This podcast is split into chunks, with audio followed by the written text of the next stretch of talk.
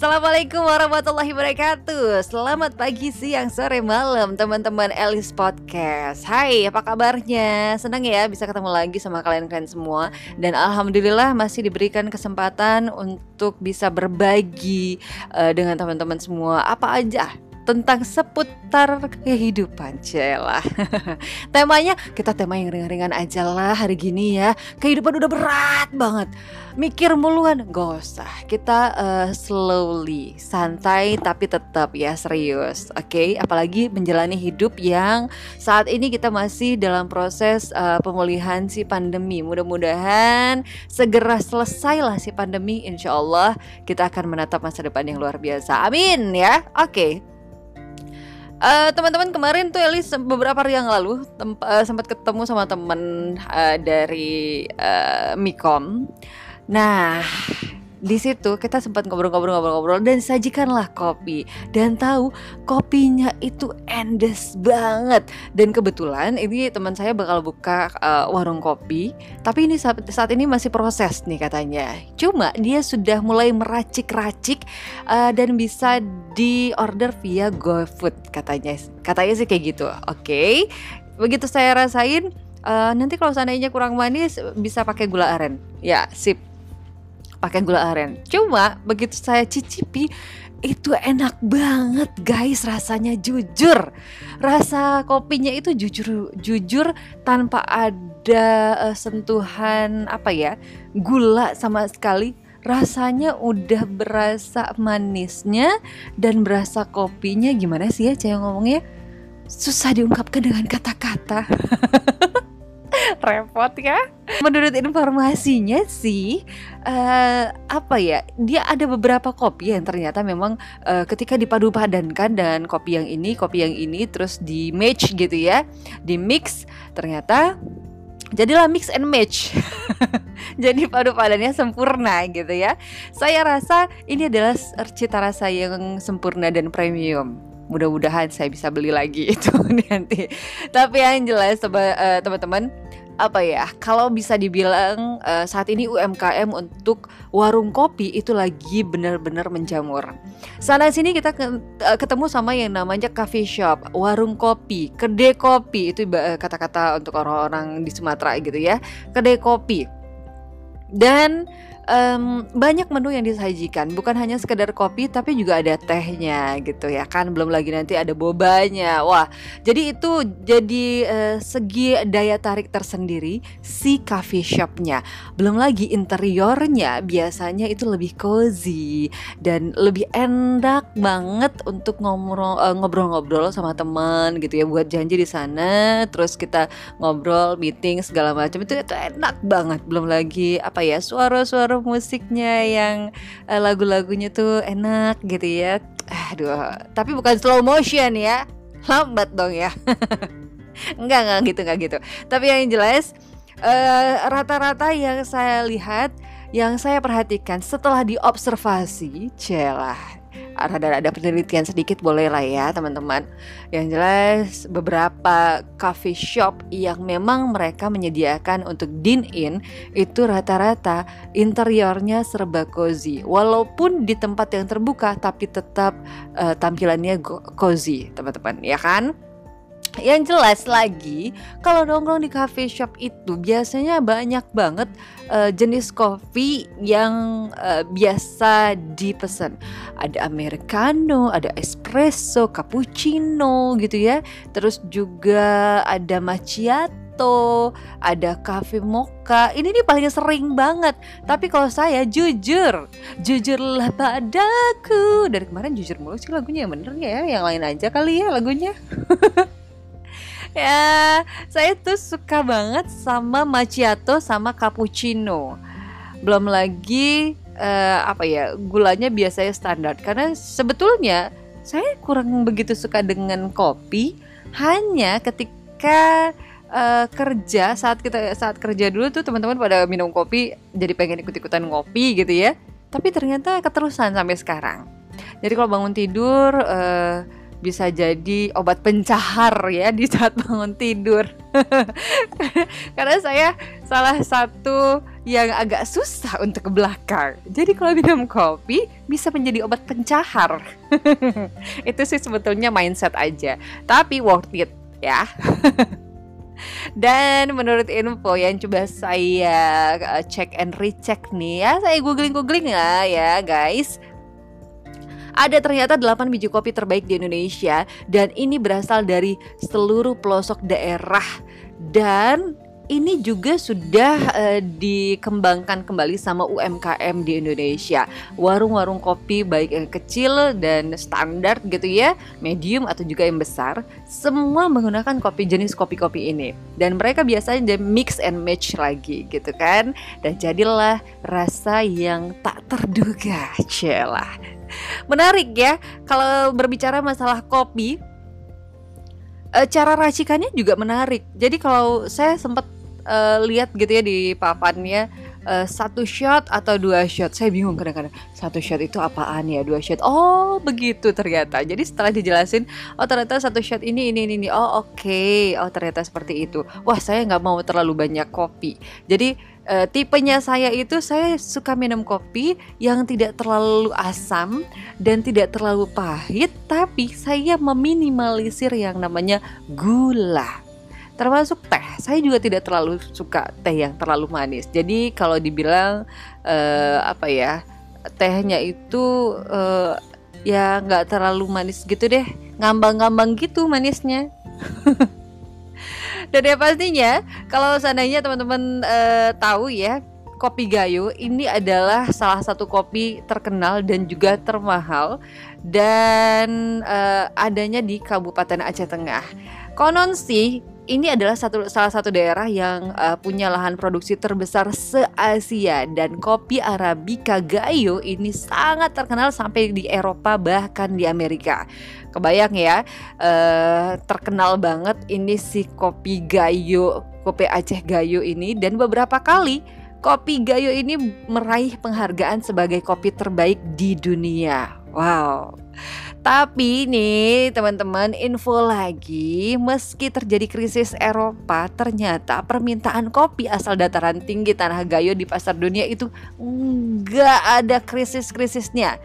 Nah ini dia Inilah kenapa dia menjadi kopi termahal di dunia Karena terbukti lagi saat pameran kopi dunia yang diselenggarakan oleh organisasi uh, Specialty Coffee Association of America atau SESC EE Nadia SCAA di Oregon Convention Center Amerika Serikat dan ini sudah terbukti kopi Gayo uh, terbukti mahal. Wow, luar biasa kan?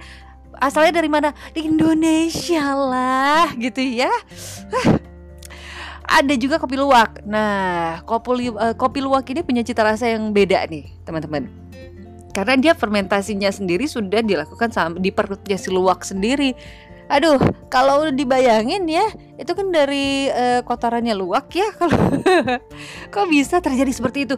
Itulah anugerah Allah luar biasa. Iya gak sih?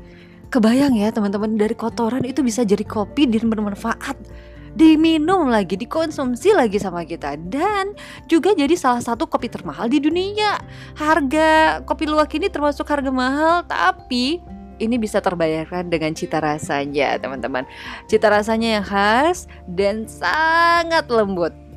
Nah, perpaduannya luar biasa ya. Jadi kenapa si harga uh, kopi luwak ini mahal? Ya itu karena kopi luwak itu punya proses fermentasi yang unik dan itu langsung dilakukan sama si tubuh luwak sendiri. Dan kopi ini um, berada di daerah Asia Tenggara. Ini sudah lama sekali sebetulnya diketahui sama orang-orang di sana gitu ya. Tapi ternyata baru terkenal luas di pencipta kopi itu setelah dipublikasikan di tahun 1980-an. Kalau kopi Jawa gimana? Kopi Jawa ini ternyata berada di peringkat ketiga nih guys ya. Jadi kalau uh, kalian agak-agak bingung kenapa kopi Jawa itu apa sih, yang mana sih gitu ya? Nah, kopi Jawa ini uh, kopi asal dari Indonesia juga dan ini sangat terkenal di dunia dan termasuk dalam jenis Arabica. Produksinya itu dimulai sekitar abad 17 sama pemerintah kolonial Belanda. Dan di daerah Jawa itu sampai sekarang masih menjadi salah satu produsen kopi yang terbesar di dunia. Dan kopi Jawa itu punya rasa pedas. Tapi pas ditelan itu ninggalin rasa manis yang lembut. Nah, loh gimana coba? Pernah nggak kira-kira teman-teman merasakan kopi Jawa itu? Jadi kalau untuk teman-teman yang uh, apa ya pencinta kopi di seluruh dunia, kalian pasti udah tahu ini pasti kopi Jawa. Apalagi nikmatnya itu ya itu tadi ketika di uh, di di pro, apa ya di dimakan gitu ya ada cita rasa pedas kok dimakan sih uh, cita rasanya dia itu pedas tapi ditelan itu tinggalin manisnya lembut. Nah itu dia, itu cita rasa si kopi Jawa. Kalau kopi Toraja ini paling seringin juga ya kopi Toraja ya guys. Kopi Toraja juga ternyata punya kenikmatan tersendiri. Rasanya seperti tanah dan hutan. Nah, gimana coba ya? Kenapa seperti ini? Karena ternyata proses pembuatan kopinya setelah biji kopi itu dipetik. Jadi banyak yang bilang nih bahwa kalau kamu nyeruput kopi Toraja, kopi ini rasanya pahit. Tapi begitu kita seruput, rasa pahitnya mendadak hilang. Wow, gimana rasanya? Cobain, kamu beliin kopi Toraja dan ini sangat banget di, uh, sangat diminati masyarakat Jepang bahkan Amerika Serikat dan uh, kopi Toraja ini punya tekstur yang kental saat kita nyeduhnya. Kopi Sidikalang ini juga banyak teman-teman yang dari Sidikalang itu uh, bawa pulang oleh-olehnya itu ini kopi Sidikalang gitu ya. Tapi kebetulan saya tidak uh, apa ya, saya salah satu yang kurang menyukai kopi hitam ya. Uh, makanya saya lebih menyukai kopi instan. Tapi baru kemarin itulah saya ketemu sama temen yang tadi sempat saya cerita gitu ya. Saya nggak mau lagi kopi instan. Saya pengen kopi yang itu.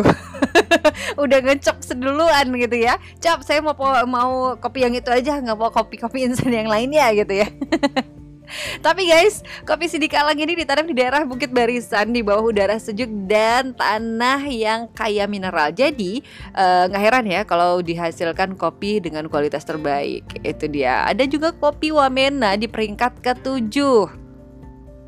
Di peringkat ketujuh itu uh, ini kopi Wamena ini sumbernya dari pegunungan di Kabupaten Wamena Provinsi Papua dan kopi ini punya kualitas tinggi termasuk kopi arabikanya nih guys.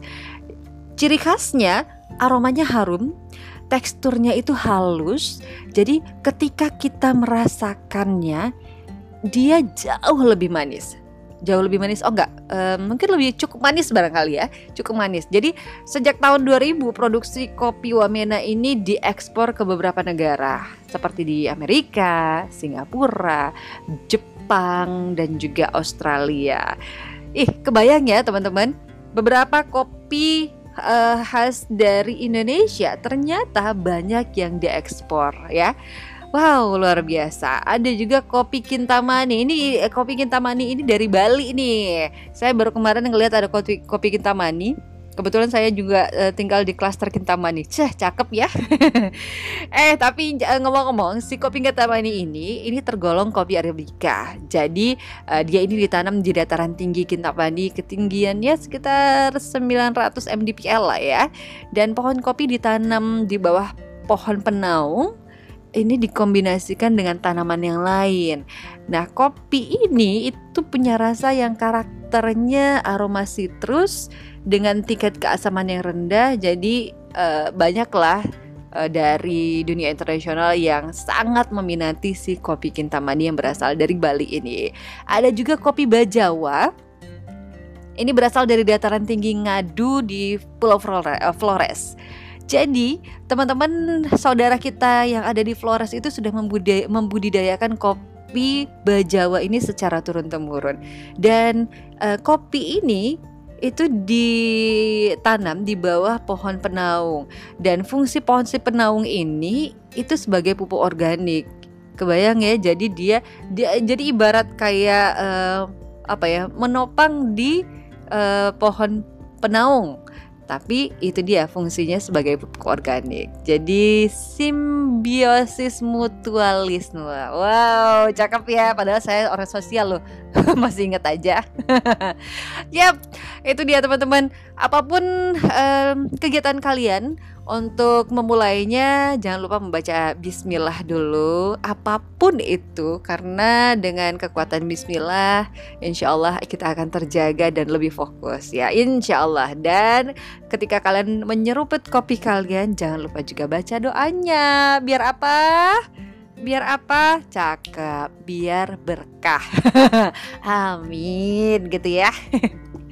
Oke, okay, ya, ya teman-teman, seperti yang dibilang tadi, apa pun uh, apa ya selera kalian mengenai kopi, kopi itu punya cita rasa cita rasa uh, yang berbeda-beda. Dan biasanya ada filosofi eh, filosofi tersendiri ketika kalian minum uh, cappuccino atau ke americano gitu ya. Dan kelihatan gitu loh karakter orang yang minum cappuccino itu uh, karakternya seperti ini belum lagi nanti americano kalian karakternya seperti ini nah kalau seandainya saya menyukai um, macchiato karakter saya seperti apa ya Oke okay lah, see you next time ya untuk podcast yang berikutnya. Ya, yang pastinya apa pun itu tetap di Alice Podcast, guys. Tungguin aja. Um, episode berikutnya. Saya mau ngomong apa lagi? Boleh deh kalau seandainya kalian punya ide-ide lagi.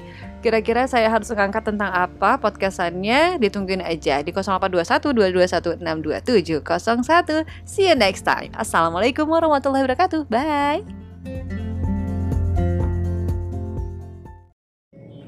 Hai, selamat pagi, siang, sore, malam teman-teman semuanya. Apa kabar? Kembali lagi di Elis Podcast. Oke. okay banyak orang-orang zaman sekarang apalagi masalah uh, selama pandemi ya semuanya dirumahkan uh, semuanya juga merasa uh, ditinggalkan. Ditinggalkan dalam pengertian apa? Ya tahu sendiri semuanya serba kesusahan ya kan yang biasanya kalian hidup hidup enak eh, hidup enak tapi ternyata ternyata harus melakukan penghematan. Penghematan di sana sini. Nah frugal living yang sekarang ini biasa kita dengar dengan penghematan. Mungkin ada baru segelintir orang yang tahu tentang frugal living ini. Ya mungkin juga ada yang nggak tahu sama sekali. Padahal bahasa Indonesia adalah penghematan ya. Tapi tidak pelit ya beda nih. Biasanya kalau kita sendiri uh, frugal living atau penghematan itu biasa kita bilang pelit banget sih. Kebayang ya teman-teman. Kalau seandainya ada teman kita yang dia tuh sebetulnya bisa ngebeli itu barang itu bisa banget. Tapi karena memang begitu ayo dong beli lo uh, lo kan banyak duit bla bla segala macam gitu ya. Tapi ternyata dia langsung hmm, nggak deh ntar aja. Gampang lah ini uh, atau enggak yang gini uh, uh, ini dong traktir traktir. Baru gajian ini kan buat yang lain dananya. Nah pelit banget sih baru juga ini. Baru juga cuma beli martabak doang gitu ya. Ada kesan uh, antara penghematan dan si pelit itu uh, jadi sama gitu ya. Banyak yang mengatakan seperti itu. Termasuk saya saya sendiri juga mengatakan hemat lo hemat sama aja dengan uh, apa ya pelit. Pelit untuk mendapatkan barang itu. Padahal sebetulnya teman-teman dia melakukan penghematan dia menabung dulu gitu ya menabung sampai nanti pada suatu hari barang itu akan dia beli. Atau sesuatu itu akan terjadi atau terwujud apa yang menjadi keinginannya. Nah ini yang kadang-kadang kita merasa kalau uh, penghematan yang dilakukan adalah penghematan yang luar biasa pelitnya gitu ya kan. Ketimbang hemat hemat gitu dibandingkan uh, apa pelitnya itu. Pasti pelitnya duluan deh gitu ya rata-rata kayak gitu. Tapi ada beberapa loh teman-teman kalau uh, kita perhatikan beberapa selebritas kita atau juga selebritas luar negeri yang memang mereka melakukan penghematan frugal living ini ada Cinta Laura kita tahu ya seberapa besar nama Cinta Laura. Bukan hanya di Indonesia tapi juga di luar negeri dia juga punya nama. Ya kan? Um, bagaimana dengan kehidupannya biasa aja nggak ada yang luar biasa. Dan dia tetap melakukan uh, ibaratnya down to earth ya kan? Mark Zuckerberg ya ampun berapa uh, pundi pundi dolar yang bisa dia dapatkan ketika kita menggunakan Facebook saudara-saudara. Ya kan? Bener gak sih? Berapa coba? Tapi tetap gayanya dong pakaiannya tetap aja kelihatan kayaknya biasa-biasa aja tetap kelihatan sederhana ada kalanya dia menggunakan uh, t-shirt biasa gitu ya kaos oblong biasa. Ada kalanya di, di kesempatan yang berbeda dia melakukan pakai jas dan uh, ya jasnya juga bukan jas-jas yang mahal seperti yang kita tahu ya. Baru-baru ini ternyata baju dinas itu pakaian dinas itu uh, bisa dibeli dengan harga jutaan rupiah. Bahkan bisa puluhan juta rupiah Padahal tetap aja warna putih, hitam, putih, hitam gitu ya. ya gak sih guys? Aduh hari gini ya. Uh, tapi yang jelas apa pun penilaian kita terhadap frugal living ini alias penghematan ini ya itu terserah sama teman-teman semuanya karena kembali lagi ke niatnya kalau niat saya sih saya menabung dulu lah buat nanti bisa uh, membangun sesuatu hal yang berharga buat saya. Karena ke depannya kita butuh ke depannya gitu ya. Atau salah satu lagi kebetulan saat ini saya lagi apa ya lagi mengembangkan sesuatu gitu ya kan apa salahnya saya mencoba untuk menanam investasi ini sekarang buat nanti ke depannya. Nah, kalau menurut saya sih niat saya seperti itu untuk frugal livingnya. Kalau kalian gimana? Oke, okay, see you next untuk uh, Alice Podcast. So, jadi bye bye.